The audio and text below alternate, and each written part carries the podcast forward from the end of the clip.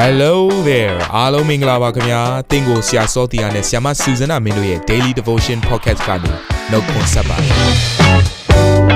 ဆရာနဲ့ဆ iam တို့ရဲ့အသက်တာမှာဘုရားရှင်ပြုတဲ့ကောင်းကြီးမင်္ဂလာများစွာရှိပါတယ်အဲ့ဒီအထက်ကပြန်လဲစီးဆင်းတဲ့နှုတ်ကပတ်တော်ကိုဒီနေ့မှနားထောင်ပြီးခွန်အားယူကြမှာဖြစ်ပါတယ်နေ့စဉ်10မိနစ်လောက်အချိန်ပေးပြီးမိမိရဲ့အသက်တာကိုကောင်းကြီးဖြစ်စေမယ်ဘုရားသခင်ရဲ့နှုတ်ကပတ်တော်နဲ့နီးလန်းတွေကိုအတူတကွခံယူကြရအောင်ခင်ဗျာ အားလုံးကိုမင်္ဂလာပါလို့နှုတ်ခွန်းဆက်ပါတယ်ကျွန်တော်တို့ဒီတစ်ပတ်တာအတော်တွင်မှာဤလောကကဘာကြီးနောက်ဆုံးနေ့ရက်များဆိုတဲ့ခေါင်းစဉ်အောက်မှာကျွန်တော်တို့နှုတ်ကပတ်တော်ကိုခံယူနေကြတာဖြစ်ပါတယ်ယေရှုခရစ်တော်ကသူ့ရဲ့တပည့်တော်တွေကိုတန်လင်တောင်ပေါ်ခေါ်သွားပြီးတော့လူအ ਨੇ စုပဲနောက်ဆုံးသောအချိန်ကာလနော်ဘာများဖြစ်မလဲလို့တပည့်တော်တွေကစူးစမ်းတဲ့အခါမှာနောက်ဆုံးသောအချိန်ကာလမှာဒီလိုဒီလိုဖြစ်မယ်ဆိုတဲ့အရာတွေကိုယေရှုပြောသွားခဲ့ပါတယ်ပထမတစ်ခုကတော့နော်ဤခေတ်ကဲ့သို့ကဲဒီနေ့မှာတော့လောတ ခေတ်ကဲ့သို့အဲ့တော့လုကာခန်းကြီး7 28ကနေ30ကိုဆက်ပြီးဖတ်ချင်ပါတယ်ထိုနည်းတူလောတလက်ထက်၌လူများတို့သည်စားတောက်ရောင်းဝယ်လျက်စိုက်ပျိုးလျက်အိမ်ဆောက်လျက်နေတကဲ့သို့၎င်းလောတသည်တောတုံမျိုးမှထွက်သောနေ့၌ကောင်းကင်မှကန့်နှင်ရောသောမီးမိုးရွာ၍ထိုလူပေါင်းတို့ကိုတုတ်တင်ပယ်ရှင်းတကဲ့သို့၎င်းလူသားပေါ်ထွန်းသောနေ့၌ဖြစ်လိမ့်မည်ပထမနေ့ကကျွန်တော်ပြောခဲ့သလိုပဲနောက်ဆုံးသောအချိန်မှာကျွန်တော်တို့အားလုံးဆုံရမယ့်ရက်တည်းရှိပါတယ်အဲ့ဒါကတော့ ယေရှုခရစ်တော်တရားစီရင်တဲ့ရက်ဖြစ်တယ်ယေရှုခရစ်တော်ဒုတိယအကြိမ်ပြန်ကြွလာတဲ့ရက်ဖြစ်တယ်အဲ့ဒါကိုလူသားရဲ့နေ့ရက်လို့ကျွန်တော်တို့နားလည်ရပါတယ်အဲ့တော့အဲ့ဒီပေါ်ထွန်းသောလူသားပေါ်ထွန်းသောနေ့ရက်လို့ပြောတဲ့နော်ယေရှုခရစ်တော်ဒုတိယအကြိမ်ပြန်ကြွလာတဲ့အချိန်မှာတရားစီရင်ခြင်းဆိုတဲ့အရာကိုနော်ခံရမယ့်သူတွေရှိတယ်လို့ကဲတင်ခြင်းခံရမယ့်သူတွေလည်းရှိပါတယ်အဲ့ဒီတော့လောတာရဲ့ခက်ကဲ့သို့နေသောသူများကတော့တရားစီရင်ခြင်းကိုခံရမှာဖြစ်တယ် အဲ့တော့ဒီຢာလေးကိုကျွန်တော်တို့စမ်းစာတွေကိုကြည့်တဲ့အခါမှာလောတာခင်မှာဘာတွေဖြစ်ခဲ့သလဲเนาะဒါကိုကပ္ပဦးကျမ်း16မှာဖော်ပြထားပါတယ်အငယ်1ကနေ73ထိကျွန်တော်ဖတ်ပြီးတော့အနေငယ်ရှင်းပြခြင်းနဲ့ကောင်းကင်တမန်နှစ်ပါးတို့သည်ညဦးအချိန်၌တောတော်မျိုးသို့ရောက်လာ၏လောတာသည်မြို့တကားဝါ၌ထိုင်လျက်သူတို့ကိုမြင်လင်ခီးဦးကြိုပြုခြင်းကထ၍မြေ၌ဥညွတ်ချလျက်အကျွန်ုပ်သခင်တို့ကိုတော်တို့ကျွန်ဤအိမ်တို့ဝင်ရင်တညလုံးနေကြပါခြေကိုဆေးကြပါနက်နက်စောစောထား၍ ကြွသွားကြပါလောဟုဆိုလေကောင်းကင်တမန်တို့ကငါတို့ဒီမဝင်တညလုံးလမ်း၌နေတော့မည်ဟုဆိုတော်လဲကြက်ကြက်သွေးဆောင်သောကြောင့်တဖန်လောတနေရာသို့လှည့်၍သူ၏အိမ်သို့ဝင်ကြ၏လောတသည်လည်းသူတို့အဖို့ပွဲလို့၍တဆေးမပါသောမုံကိုပေါင်းပြီးမှသူတို့သည်စားကြ၏ထိုသူတို့သည်မအိပ်မီသောတို့မျိုးသားယောက်ျားအကြီးငယ်အရရက်ကလာသောသူအပေါင်းတို့သည်အိမ်ကိုဝိုင်း၍လောတကိုဟစ်ခေါ်လျက်ယနေ့ညမှာတင့်အိမ်သို့ဝင်သောသူတို့သည်အဘယ်မှရှိသနည်းထိုသူတို့နှင့် ငါတို့သည်ဆက်ဆံလိုသည်ဖြစ်၍ငါတို့ထံသို့ထွက်စီလော့ဟုဆိုကြ၏လောဒသည်လည်းတကားပြင်မှာသူတို့ထံသို့ထွက်၍မိမိနောက်၌တကားကိုပိတ်ပြီးလင်ညီကိုတို့အာတမအမှုကိုဤမျှလောက်မပြုကြပါနှင့်အကျွန်ုပ်၌ယောက်ျားနှင့်မဆက်ဆံသောသမီးနှစ်ယောက်ရှိပါ၏သူတို့ကိုသင်တို့ထံသို့ထုတ်ရသောအခွင့်ကိုပေးကြပါလော့သူတို့၌ပြုကျင့်သမျှကိုပြုကြပါလော့ဤလူတို့၌အလင်းမပြုကြပါနှင့်အကြောင်းမူကားသူတို့သည်အကျွန်ုပ်အိမ်မိုးအရေးကိုခိုနေပါ၏ဟုတောင်းပန်တော်လဲသူတို့ကစုပ်လော့ဟုဆိုကြ၏ တဖန်ကသင်သည်တဲခိုခြင်းကသာရောက်လာသည်နှင့်တရားသူကြီးလောက်ရမည်လောယခုမှထိုသူတို့၌ပြုသည်ထက်သင်၌သာ၍ဆိုးသောအမှုကိုပြုမည်ဟုဆိုလျက်လောတာကိုကြက်ကြက်ဖိ၍တကားကိုလည်းပေါက်ခွဲချိုးဖဲ့ခြင်းကချင်းလာကြ၏ထိုအခါကောင်းငင်တမန်တို့သည်လက်ကိုဆန့်၍လောတာကိုမိမိတို့နေရအိမ်အတွင်းသို့ဆွဲသွင်းပြီးလင်တကားကိုပိတ်ကြ၏အိမ်တကားနားမှာရှိသောသူအကြီးငယ်တို့ကိုမျက်စိကန်းစေခြင်းကတန်ခတ်သဖြင့်သူတို့သည်တကားကိုရှာ၍ပင်ပန်းခြင်းသို့ရောက်ကြ၏ ကောင်းငင်တမန်တို့ကလည်းဤရက်၌သင်နှင့်ဆိုင်သောသူရှိသေးသလောသားသမီးတမက်မျိုးထဲမှာရှိသမျှကိုဤရက်ကထုတ်ဆောင်လော့ဤရက်ကိုငါတို့သည်ဖျက်ဆီးရမည်အကြောင်းမူကားအရက်သားတို့သည်ထာဝရဘုရားရှေ့တော်မှာအလွန်ကြွေးကြော်ခြင်းရှိသည်ဖြစ်၍ဖျက်ဆီးစေခြင်းကထာဝရဘုရားသည်ငါတို့ကိုဆေလွတ်တော်မူပြီဟုလောတာအားပြောဆိုကြ၏အဲ့တော့ဒီဇလံလေးကိုကျွန်တော်တို့ကြည့်တဲ့အခါမှာကောင်းငင်တမန်နှစ်ပါးရဲ့အာတော်တော်နဲ့ခေါမိုရာမျိုးကိုရောက်လာတဲ့အဖြစ်အပျက်လေးကိုတွေ့ရမှာဖြစ်ပါတယ်အဲသူတို့ကတကယ်တော့ အာဗြဟံကနေတဆင့်လာကြတာဖြစ်တယ်အာဗြဟံစီကိုအရင်ဝင်တယ်အာဗြဟံကခီယူကြိုပြုတယ်ဒေါ်တုံနဲ့ဂေါမောရာကိုရစီရင်မယ်ဆိုတဲ့အခါမှာအာဗြဟံကတောင်းပန်နဲ့ဈေးစစ်တယ်သို့တော်လည်းပဲနောက်ဆုံးမှာဖြောက်မှတ်တော်သူမတွေ့ရတဲ့ကြောင့်မလို့ဆိုပြီးတော့ဒီမျိုးတွေကိုဖျက်ဆီးမယ်ဆိုပြီးတော့ကောင်းကင်တမန်နှစ်ပါးရောက်လာတဲ့အချိန်မှာလောတာရဲ့အိမ်ကိုဝင်ပြီးတော့တဲခိုတဲ့အမှုကိုပြုတယ်အဲ့တော့ဒါကတော့လောတာကသွားပြီးကြိုဆိုတာဖြစ်ပါတယ်အဲ့တော့လောတာဟာအင်တန်မှနော်အဲဝတ်ကြိုဆိုပြီးတော့ဖြောက်မှတ်တော်သူဖြစ်သည့်အလျောက်နော်ဘုရားသခင်ကိုလည်းသူက အာကြောက်ရွံ့တော်သူဖြစ်ပါတယ်နော်သို့တော်လည်းပဲဘဖျားသခင်ကိုတည်တော်သူဖြစ်ပေမဲ့လည်းတစ်ဖက်မှာဘာဖြစ်လဲဆိုတော့ဒီလောကအရာတွေကိုကြည့်မိတယ်။တော့ကျွန်တော်တို့ရဲ့အသက်တာမှာလည်းဖျားကိုတည်ရတဲ့လောကအရာတွေကိုကြည့်ပြီးတော့နော်ထိုအရာတွေဆွဲလန်းခြင်းထိုသူများရဲ့အလေးလာကြားထဲမှာသွားပြီးတော့အခြေချတတ်တဲ့အနေအထားလေးတွေရှိတတ်ပါတယ်။ဒီနေ့လောတာရဲ့အဖြစ်အပျက်ကကျွန်တော်တို့ကိုယနေ့အသက်ရှင်နေသောအချိန်ကာလကိုမိမောင်ထိုးပြနေတဲ့အတွက်ကြောင့်မလို့သတိမူဖို့ဖြစ်ပါတယ်။ကျွန်တော်တို့ဒီဖျားကိုတည်လျက်နဲ့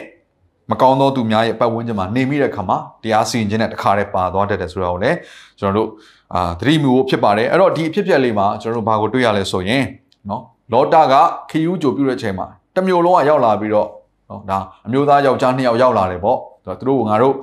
သွားပြီးတော့အာဆက်ဆံကြမယ်ဆိုပြီးတော့တမျိုးလုံးမှာရှိတဲ့ယောက်ျားအကြီးငယ်အကုန်လုံးအဲ့တော့စဉ်းစားကြည့်ပါတော်လိုမျိုးနဲ့ကောင်းမွန်တာအခြေအနေဟာဘယ် လောက်ထိအခြေအနေစိုးနေပြီလဲနော်တယောက်ထဲလာတာမဟုတ်နှစ်ယောက်လာတာမဟုတ်လူကြီးလာတာမဟုတ်အကုန်အကြီးငယ်အကုန်လုံးကစုပြုံပြီးရောက်လာတာဆိုတော့အုပ်စုလိုက်ပေါ့နော်တမျိုးလုံးကရောက်လာပြီးတော့တခါတည်းတောင်းဆိုကြထုတ်ပေးပါငါတို့သူတို့ ਨੇ ဆက်ဆံခြင်းတယ်ဆိုတော့မြင်အောင်ကြည့်ပါသင်ဟာရွာတရွာကိုသွားမယ်မြို့တစ်မြို့ကိုသွားမယ်တနေရာကိုရောက်သွားမယ်အဲ့မှာရှိတဲ့လူအစုဝေးအားလုံးဟာနော်ဆိုတော့ဆိုသင်ဟာအမျိုးသားဖြစ်တယ်ဆိုရင်သင်ရောက်ရှိတဲ့နေရာမှာရှိတဲ့ယောက်ျားအားလုံးကသင်စီကိုလာပြီးတော့ကာမာပိုင်းဆိုင်ရာနော်ဒါကျူး ကျူးလွန်တဲ့အရာတွေကိုစပြီးတော့လှုပ်ဆောင်မယ်ဆိုရင်ဘယ်လောက်ထိကြောက်စရာကောင်းတဲ့အခြေအနေလဲသူတို့ရဲ့စိတ်ဝိညာဉ်သူတို့ရဲ့အတွေးခေါ်ဘယ်လောက်ထိစိုးညစ်နေပြီလဲဆိုတာကိုမြင်အောင်ကြည့်အောင်နဲ့ကျွန်တော်တို့ခံစားလို့ရပါတယ်အဲ့တော့ဒီအခြေအနေကိုအာကောင်းကင်တမန်နှစ်ယောက်ကကြုံတဲ့အချိန်မှာဆောစောကကျွန်တော်ဖတ်ခဲ့သလိုပဲเนาะသူတို့ကကောင်းကင်တမန်တွေက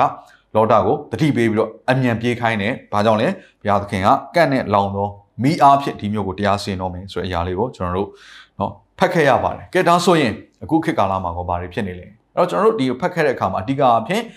လောတာရဲ့ဇလန်းလေးဟာနော်ယောက်ျားချင်းယောက်ျားချင်းမေထုံတန်ဝါဒပြုတဲ့အခြေအနေကိုဒါအကောင်းဆုံးဖော်ပြတဲ့နော်တက်တည်တစ်ခုဖြစ်ပါတယ်ဒါသည်အခုခေတ်မှာပေါ်တာမဟုတ်ပါဘူးကဘာဦးကလေးကပါဘယ်ကစခဲ့ရလဲပထမတစ်ချက်အပြစ်ဗီဇနော်အာရနဲ့အေဝါဆီစပြီးရောက်လာတယ်စိုးညစ်တော်ຢာတွေကိုလှုပ်ချင်တဲ့သဘောလူဟာမွေးကလေးကစပြီးပါလာပြီဒုတိယတစ်ချက်ဝิญဉ်ပိုင်းဆိုင်ရာ penetration လို့ခေါ်တဲ့ အာမာနက်ရဲ့နီးဥပဒေသားတွေဟာနော်နီးလန်းနေတဲ့စိတ်ဝိညာဉ်တွေဟာသူ့ကိုလက်ခံတဲ့လူတွေကြားထဲမှာစိတ်ဝင်ပြီးတော့စပြီးတော့နေရာယူလာတဲ့အရာအဲ့ကနေတဆင့်ဘာဖြစ်လာလဲပြစ်မှုတွေဒူးစရိုက်တွေအားလုံးကိုကျူးလွန်လာတာဖြစ်တယ်အဲ့တော့အင်္ဂလိပ်လိုပြောမှဆို aggressive အရန်ကိုပြင်းပြင်းထန်ထန်နဲ့နော်ဒါလှုပ်ချင်တဲ့အရာရှိတယ်နံပါတ်1ချက် violence တကယ်ကိုနော်စူပူတောင်းချမ်းတဲ့ကိစ္စမျိုးတွေကိုသူတို့လှုပ်လေးရှိကြတယ်နောက်တစ်ခုအသက်အရွယ်မရွေးဘူးကြောင့်ဒါကအခုခေတ်မှာလည်းကျွန်တော်ကြုံရပါတယ်ကျွန်တော်စင်ကူမှာရှိတဲ့အချိန်တုန်းက စင်ကူအစိုးရကနော်သူတို့ဒါလိန်တူချင်းလက်ထက်ချင်းကိုတရားဝင်ခွင့်ပြုဖို့ဆိုတဲ့အဆိုကိုပေါ့လွှတ်တော်မှာစပြီးတော့အမတ်တယောက်ကစပြီးတော့တင်လာတဲ့အရာနဲ့ပတ်သက်ပြီးတော့အကြီးကျယ်ဆွေးနွေးကြတာပေါ့ဖြစ်ချင်တော့ဒါအမေရိကကနေအတီးပြုအတီးပြုအတီးပြုเนาะဒါအိုဘားမားလက်ထက်မှာပေါ့เนาะလက်မှတ်ထိုးပေးလိုက်တော့တရားဝင်ဖြစ်လာတယ်ဖြည်းဖြည်းနဲ့နိုင်ငံနော်ဒါအမေရိကဖွင့်ပေးလိုက်တယ်ဆိုတော့ဖြည်းဖြည်းနဲ့အမေရိကနဲ့ဆက်ဆက်တဲ့နိုင်ငံတွေအားလုံးကဖွင့်ပေးလာနေနောက်ဆုံးမှာအင်တာမတိုးတက်တဲ့စင်ကာပူနိုင်ငံကိုရောက်လာတယ် အရှေ့တောင်အာရှမှာတော့စင်ကာပူနိုင်ငံဟာပထမအဦးဆုံးဒီကိစ္စကိုစပြီးတော့ရင်ဆိုင်ရတဲ့နိုင်ငံဖြစ်တယ်အဲ့တော့ဘာဖြစ်လာလဲဆိုတော့နောက်ဆုံးမှာနော်ဒီလိုမျိုးလွှတ်တော်ထိတက်ပြီးတော့နော်အတီးပြုတ်ဖို့ကိစ္စပေါ်လာတဲ့ခါမှာစင်ကာပူနိုင်ငံမှာရှိတော့အသင်းတော်များကသူတို့ရဲ့အသံကိုစပြီးတော့ထုတ်ပေါ်ကြတယ်ဒီဟာဖျားခင်မနစ်တဲ့ရာတစ်ခုဖြစ်တယ်တိုင်းနိုင်ငံမှာဒီလိုဖြစ်မဲ့ရာကိုမဖြစ်သင့်ဘူးလို့စပြီးပြောလာတဲ့ခါမှာပြန်လဲပြီးတော့တုံ့ပြန်ခံရတဲ့အရာကအင်မတန်ကြောက်မဲ့ဖွယ်ဖြစ်တယ် နော်ထိုအရာကိုပြောတော့ထိုကဲ့သို့ဆန့်ကျင်မှုကိုပြောတော့တင်းရုပ်ဆရာများနော်နှုတ်ကပတ်တော်ကိုဟိုပြောပြီးတော့နော်ဒါစီတော့အမှုတော်ဆောင်ဆရာများရဲ့မိသားစုတွေသူရဲ့သားသမီးတွေအထိနော်ဒါချင်းချောက်တဲ့အရာတွေရောက်လာတယ်တကယ်ကိုအာတိုက်ပွဲတစ်ခုတိုက်နေရသလိုเนาะအသင်းတော်တွေကကြော်ဖြတ်ရတယ်အဲ့တော့ကျွန်တော်ဘာဝင်နေအသင်းတော်မှာရှိအသင်းဥဆရာကြီးကိုယ်တိုင်ကဒီຢာတွေကိုကြော်ဖြတ်ရတယ်အစိုးရရဲ့စစ်ဆေးမေးမြန်းခြင်းတွေကိုခံရတယ်သူတို့ရဲ့သားသမီးတွေသူတို့เนาะရဲ့ဒီဟိုအချက်လက်တွေပေါ့เนาะအထိပေါ်ထုတ်ပြီးတော့တခါတည်းတိုက်ခိုက်တဲ့ຢာတွေကို အာဒီ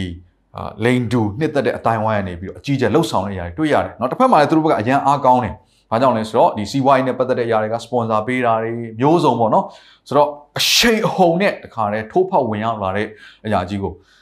နောက်ဆုံးမှာတော့ကျွန်တော်ရဲ့မျက်စိရှိမှာပဲပေါ့နော်ကျွန်တော်တက်သေးပေါ့အဲ့ဒါဘာလဲဆိုတော့စင်ကူအစိုးရကဒီဟာနောက်ဆုံးမှာတရားသူကြီးကအာဒါကို approve မလုပ်ဘဲနဲ့ပယ်ချလိုက်တဲ့ကြောင့်မလို့အခုချိန်ဒီသူတို့တရားဝင်ဆိုတဲ့အရာကို စင်ကူနိုင်ငံမှာမတွေ့ရသေးဘူးပေါ့ဆိုတော့စင်ကူနိုင်ငံမှာပွင့်သွားပြီဆိုရင်လည်းအရှေ့တောင်အာရှဟာတခြားသောနိုင်ငံတွေအတွက်စိန်ခေါ်မှုဖြစ်လာနိုင်တယ်ဆိုတော့ဒါဟာကျွန်တော်တို့အခုလက်ရှိကျွန်တော်တို့နော်ညဝါထင်ထင်ကိုတွေ့ကြုံနေရတဲ့အရာတစ်ခုဖြစ်တယ်ပုံမြင်မဟုတ်ပါဘူးအဲ့တော့ဘုရားသခင်ဒီဇလန်ကိုဘာကြောင့်ပြောပြလဲမင်းတို့အသက်ရှင်တဲ့အချိန်မှာနောက်ဆုံးသောအချိန်ကလည်းရောက်တဲ့အချိန်မှာဒါတွေဖြစ်လာမယ်ကြည့်ကြပါဆိုတဲ့အရာကိုဘုရားကကြည်ခိုင်းတာဖြစ်ပါတယ်နော်တတိပေးတာဖြစ်တယ်အဲ့တော့ဒီလိုအချိန်မျိုးမှာကျွန်တော်တို့ဒီထိုအရာများရဲ့အဝေးကို ထွက်ပြေးတတ်ဖို့လဲလိုတယ်ဘာကြောင့်လဲအဲ့ဒီအထဲကိုရောက်နေရင်တော့မှဘုရားသခင်ကပြောလဲဆိုတော့ပြေးပါလောတာကိုပြေးခိုင်းတယ်အဲ့တော့ဒါကြောင့်ကျွန်တော်တို့လောတာရဲ့ခေတ်ကာလကဲသို့ရောက်တဲ့အချိန်မှာလဲထိုအရာများနဲ့အဝေးဆုံးနေတတ်ဖို့လိုသလိုပြေးတတ်ဖို့လဲလိုပါတယ်ဘယ်ကိုပြေးမလဲဘုရားသခင်ခေါ်တဲ့ပန်တုံးနိုင်ဝင်ပြေးဖို့ဖြစ်တယ်ဘုရားသခင်စီကိုပဲလှည့်ဖို့ဖြစ်တယ်အဲ့တော့ဒီလောကကတော့တဖြည်းဖြည်းနဲ့နော်လူတွေရဲ့အကြံစီပညာတွေနောက်ရပိုင်ခွင့်တွေပေါ်မူတည်ပြီးတော့ရှေ့တန်းတင်လာပြီးတော့ လှုပ်ဆောင်လာမှာဖြစ်တယ်အဲ့တော့ကျမ်းစာထဲမှာနော်မဿဲခန်းကြီး30ငယ်17ကနေ15ကိုကြည့်တဲ့အခါမှာတောရုံနဲ့ဂေါမောရနဲ့ပတ်သက်ပြီးတော့ရေးထားတဲ့အရာတွေရှိရတဲ့ကြောင့်ကျွန်တော်ဒီကျမ်းစာလေးကိုဖတ်ချင်ပါတယ်မြည်သည့်မြို့မြည်သည့်ရွာသို့ဝင်လင်ထိုမြို့ရွာ၌အဘယ်မြည်သောသူသည်ထိုက်တန်သည်ဟုမေးမြန်း၍ထိုမြို့ရွာမှမထွက်မသွားမိတိုင်အောင်ထိုသူ၏အိမ်တွင်နေကြလော့အိမ်သို့ဝင်သောအခါမင်္ဂလာရှိပါစေသောဟုနှုတ်ဆက်ခြင်းကိုပြုကြလော့ထိုအိမ်သည်ထိုက်တန်လျင်သင်တို့မွတ်သောမင်္ဂလာရောက်စေသည်မထိုက်တန်လျင်သင်တို့ထံသို့ပြန်လာစေသည်အကျဉ်သူသည် သင်တို့ကိုလက်မခံသင်တို့၏စကားကိုနားမထောင်ဘဲနေ၏ထိုသူနေသောအိမ်မှ၎င်းမြို့မှ၎င်းထွက်သွားစဉ်သင်တို့၏ခြေဖွားမှမြေမှုန့်ကိုခါလိုက်ကြလော့ငါအမှန်ဆိုသည်ကတရားဆုံးဖြတ်သောနေ့၌ထိုမြို့သည်တောတော်မြို့နှင့်ဂေါမောရာမြို့ထက်သာ၍ခံရလက်တံယေရှုခရစ်တော်ကသူ့ရဲ့တပည့်တော်တွေကိုဆေလွတ်ပြီးတော့အေဝံဂေလိတရားဟောခိုင်းတဲ့အဖြစ်ပြက်ဒီနေရာမှာရေးထားတာဖြစ်ပါတယ်အဲ့တော့အေဝံဂေလိသွားဟောတဲ့အခါမှာဝင်မှာနော်မြို့ရွာဝင်မှာနှုတ်ဆက်ပါမင်္ဂလာပါလို့နှုတ်ဆက်ပါ အတိတ်ဘယ်ကတော့အေဝံဂေလိတရားကိုဝင်ငှပါသင်တို့ကိုလက်ခံရင်တော့သင်တို့ရဲ့ဝင်ငှတဲ့အေဝံဂေလိသတင်းစကားအဖြစ်သူတို့ကကောင်းကြီးခံစားရမယ်ကယ်တင်ခြင်းခံရမယ်ပေါ့အကယ်၍ညင်းဆန်တယ်ဆိုရင်လည်းတဲ့သင်တို့အဲ့ရထွက်တဲ့ခါမှာသင်တို့ရဲ့ခြေဖွားမှာရှိတဲ့နော်ဖုံခါလိုက်ပါအတိတ်ဘယ်ကတော့ဒီမိသားစုအတွက်လောက်အောင်မရာကိုလှုပ်ပြီးသွားပြီဖခင်ရဲ့စကားကိုဆေလွတ်ပြီးသွားပြီပြောရမယ့်သတိပေးစကားကယ်တင်ခြင်းစကားကိုပြောပြီးပြီအဲ့တော့သူတို့အပေါ်မှာတရားစီရင်ကိုနဲ့မဆိုင်တော့ဘူးဒီຢာကိုပြောချင်တာဖြစ်တယ်အဲ့တော့ ပြန်ထွက်လာခဲ့ပေါ့နော်အဲ့တော့ကိုကမင်္ဂလာသွားပေးတယ်သူတို့ကညှင်းဆန်တယ်အဲ့တော့အဲ့ဒီလိုမျိုးလက်မခံသောသူတွေပေါ့နော်မိသားစုတွေမြို့ရွာတွေဟာဘလို့တရားစီရင်ခံရမလဲဆိုတော့တဲ့နော်တောတုံမျိုးနဲ့ဂေါမောရာမြို့ထက်တာ၍ခံရလက်တဲ့ဘာကြောင့်လဲဆိုတော့တောတုံနဲ့ဂေါမောရာခင်မှာတော့ယေရှုခရစ်တော်ဆိုမပေါ်လာသေးဘူးဂျေဇုတော်ခက်လည်းမဟုတ်ဘူးနော်နှုတ်ကပတ်တော်ကိုလည်းဝေငှခံရခြင်းသူတို့မခံစားခဲ့ရဘူးသို့တော်လည်းပဲအခုတော့ အထူးသဖြင့်အခုလိုကျွန်တော်တို့အသက်ရှင်တဲ့အချိန်ကာလမှာအေဝလီသတင်းစကားကိုအခုလိုမျိုး online တွေကနေပြီးတော့ပေါ်ပေါ်တည်တည်လူတိုင်းကကလေးလေးတစ်ချက်နှိပ်လိုက်ရုံနဲ့နားထောင်လို့ရတဲ့အချိန်မှာလူမြောင်များစွာစီကြားခဲ့ပြီးသွားပြီသို့တော်လည်းမယုံကြည်ဘူးဆိုရင်တောတုံမျိုးနဲ့ဂေါမောရာမျိုးထက်ပိုပြင်းထန်သောတရားတရားစီရင်ခြင်းကိုထိုနေ့ရက်မှာကျွန်တော်တို့နော်ကြောဖြတ်ရမှာဖြစ်တယ်။ဒါကြောင့်သင်သည်ထိုတရားစီရင်ခြင်းကလွတ်တော်သူဖြစ်ဖို့ရန်အလုံးကယေရှုခရစ်တော်ကိုမိမိရဲ့အသက်တာကိုအနှံပြီးတော့တန်ရှင်သောလမ်းကိုရှောက်ဖို့ရန်ဒီနေ့ခွန်အားပေးခြင်းပါတယ်။ ခဏလောက်ဆုတောင်းကြအောင်။ဘုရားသခင်ကိုရောကိုယေရှုတင်ပါတယ်။နောက်ဆုံးသောနေ့ရက်ကာလများ၏ဆိုးရုပ်ခြင်းတွေကိုကိုရောသည်နှုတ်ကပတ်တော်အဖြစ်တတိပေးခြင်းအဖြစ်ကျွန်တော်တို့သည်ကြောက်ရွံ့သောနှလုံးသားတုန်လှုပ်ခြင်းအဖြစ်ကိုတော်ပြင်ဆင်သောတန်ရှင်သောလမ်းကိုရှောက်တတ်ဝင်လုံငါယေရှုပြုရဲ့ဆွဲခေါ်ဖို့ရန်ယနေ့ဆုတောင်းကြပါရဖဖျားသခင်ဒီနှုတ်ကပတ်တော်ကိုကြားတော်သူတစုံတစ်ယောက်ကသူ့ရဲ့အသက်တာထဲမှာကိုတော်မနှစ်သက်သောလမ်းကိုရှောက်တော်သူဖြစ်ပါကယနေ့ပဲနောင်တရလဲကိုတော်စီတို့လှည့်လာပါစေ ကိုတော်ဒီဂယုနာအရာမှာကြွယ်ဝပြီးတော့အပြစ်ဘလောက်ပဲကြီးပါစေကိုတော်မြတ်တာတာ၍ကြီးသောကြောင့်ကြိုးဆိုတော်ဘုရားဖြစ်ပါတယ်ယနေ့ပင်ဒါတို့ဒီကိုတော်ထံကိုတိုးဝင်တဲ့အခါမှာကိုတော်လက်ခံလို့ယေရှုတော်ကိုချီးမွမ်းကြပါတယ်ဒီနေ့နဲ့သက်ဆိုင်သောကောင်းကြီးမင်္ဂလာတက်ရောက်ပါမည်ကြောင်းနာဇရက်မြို့သားယေရှုခရစ်တော်၏နာမကိုအမိပြုလျက်ဆုတောင်းစကားအနပါ၏အာမင်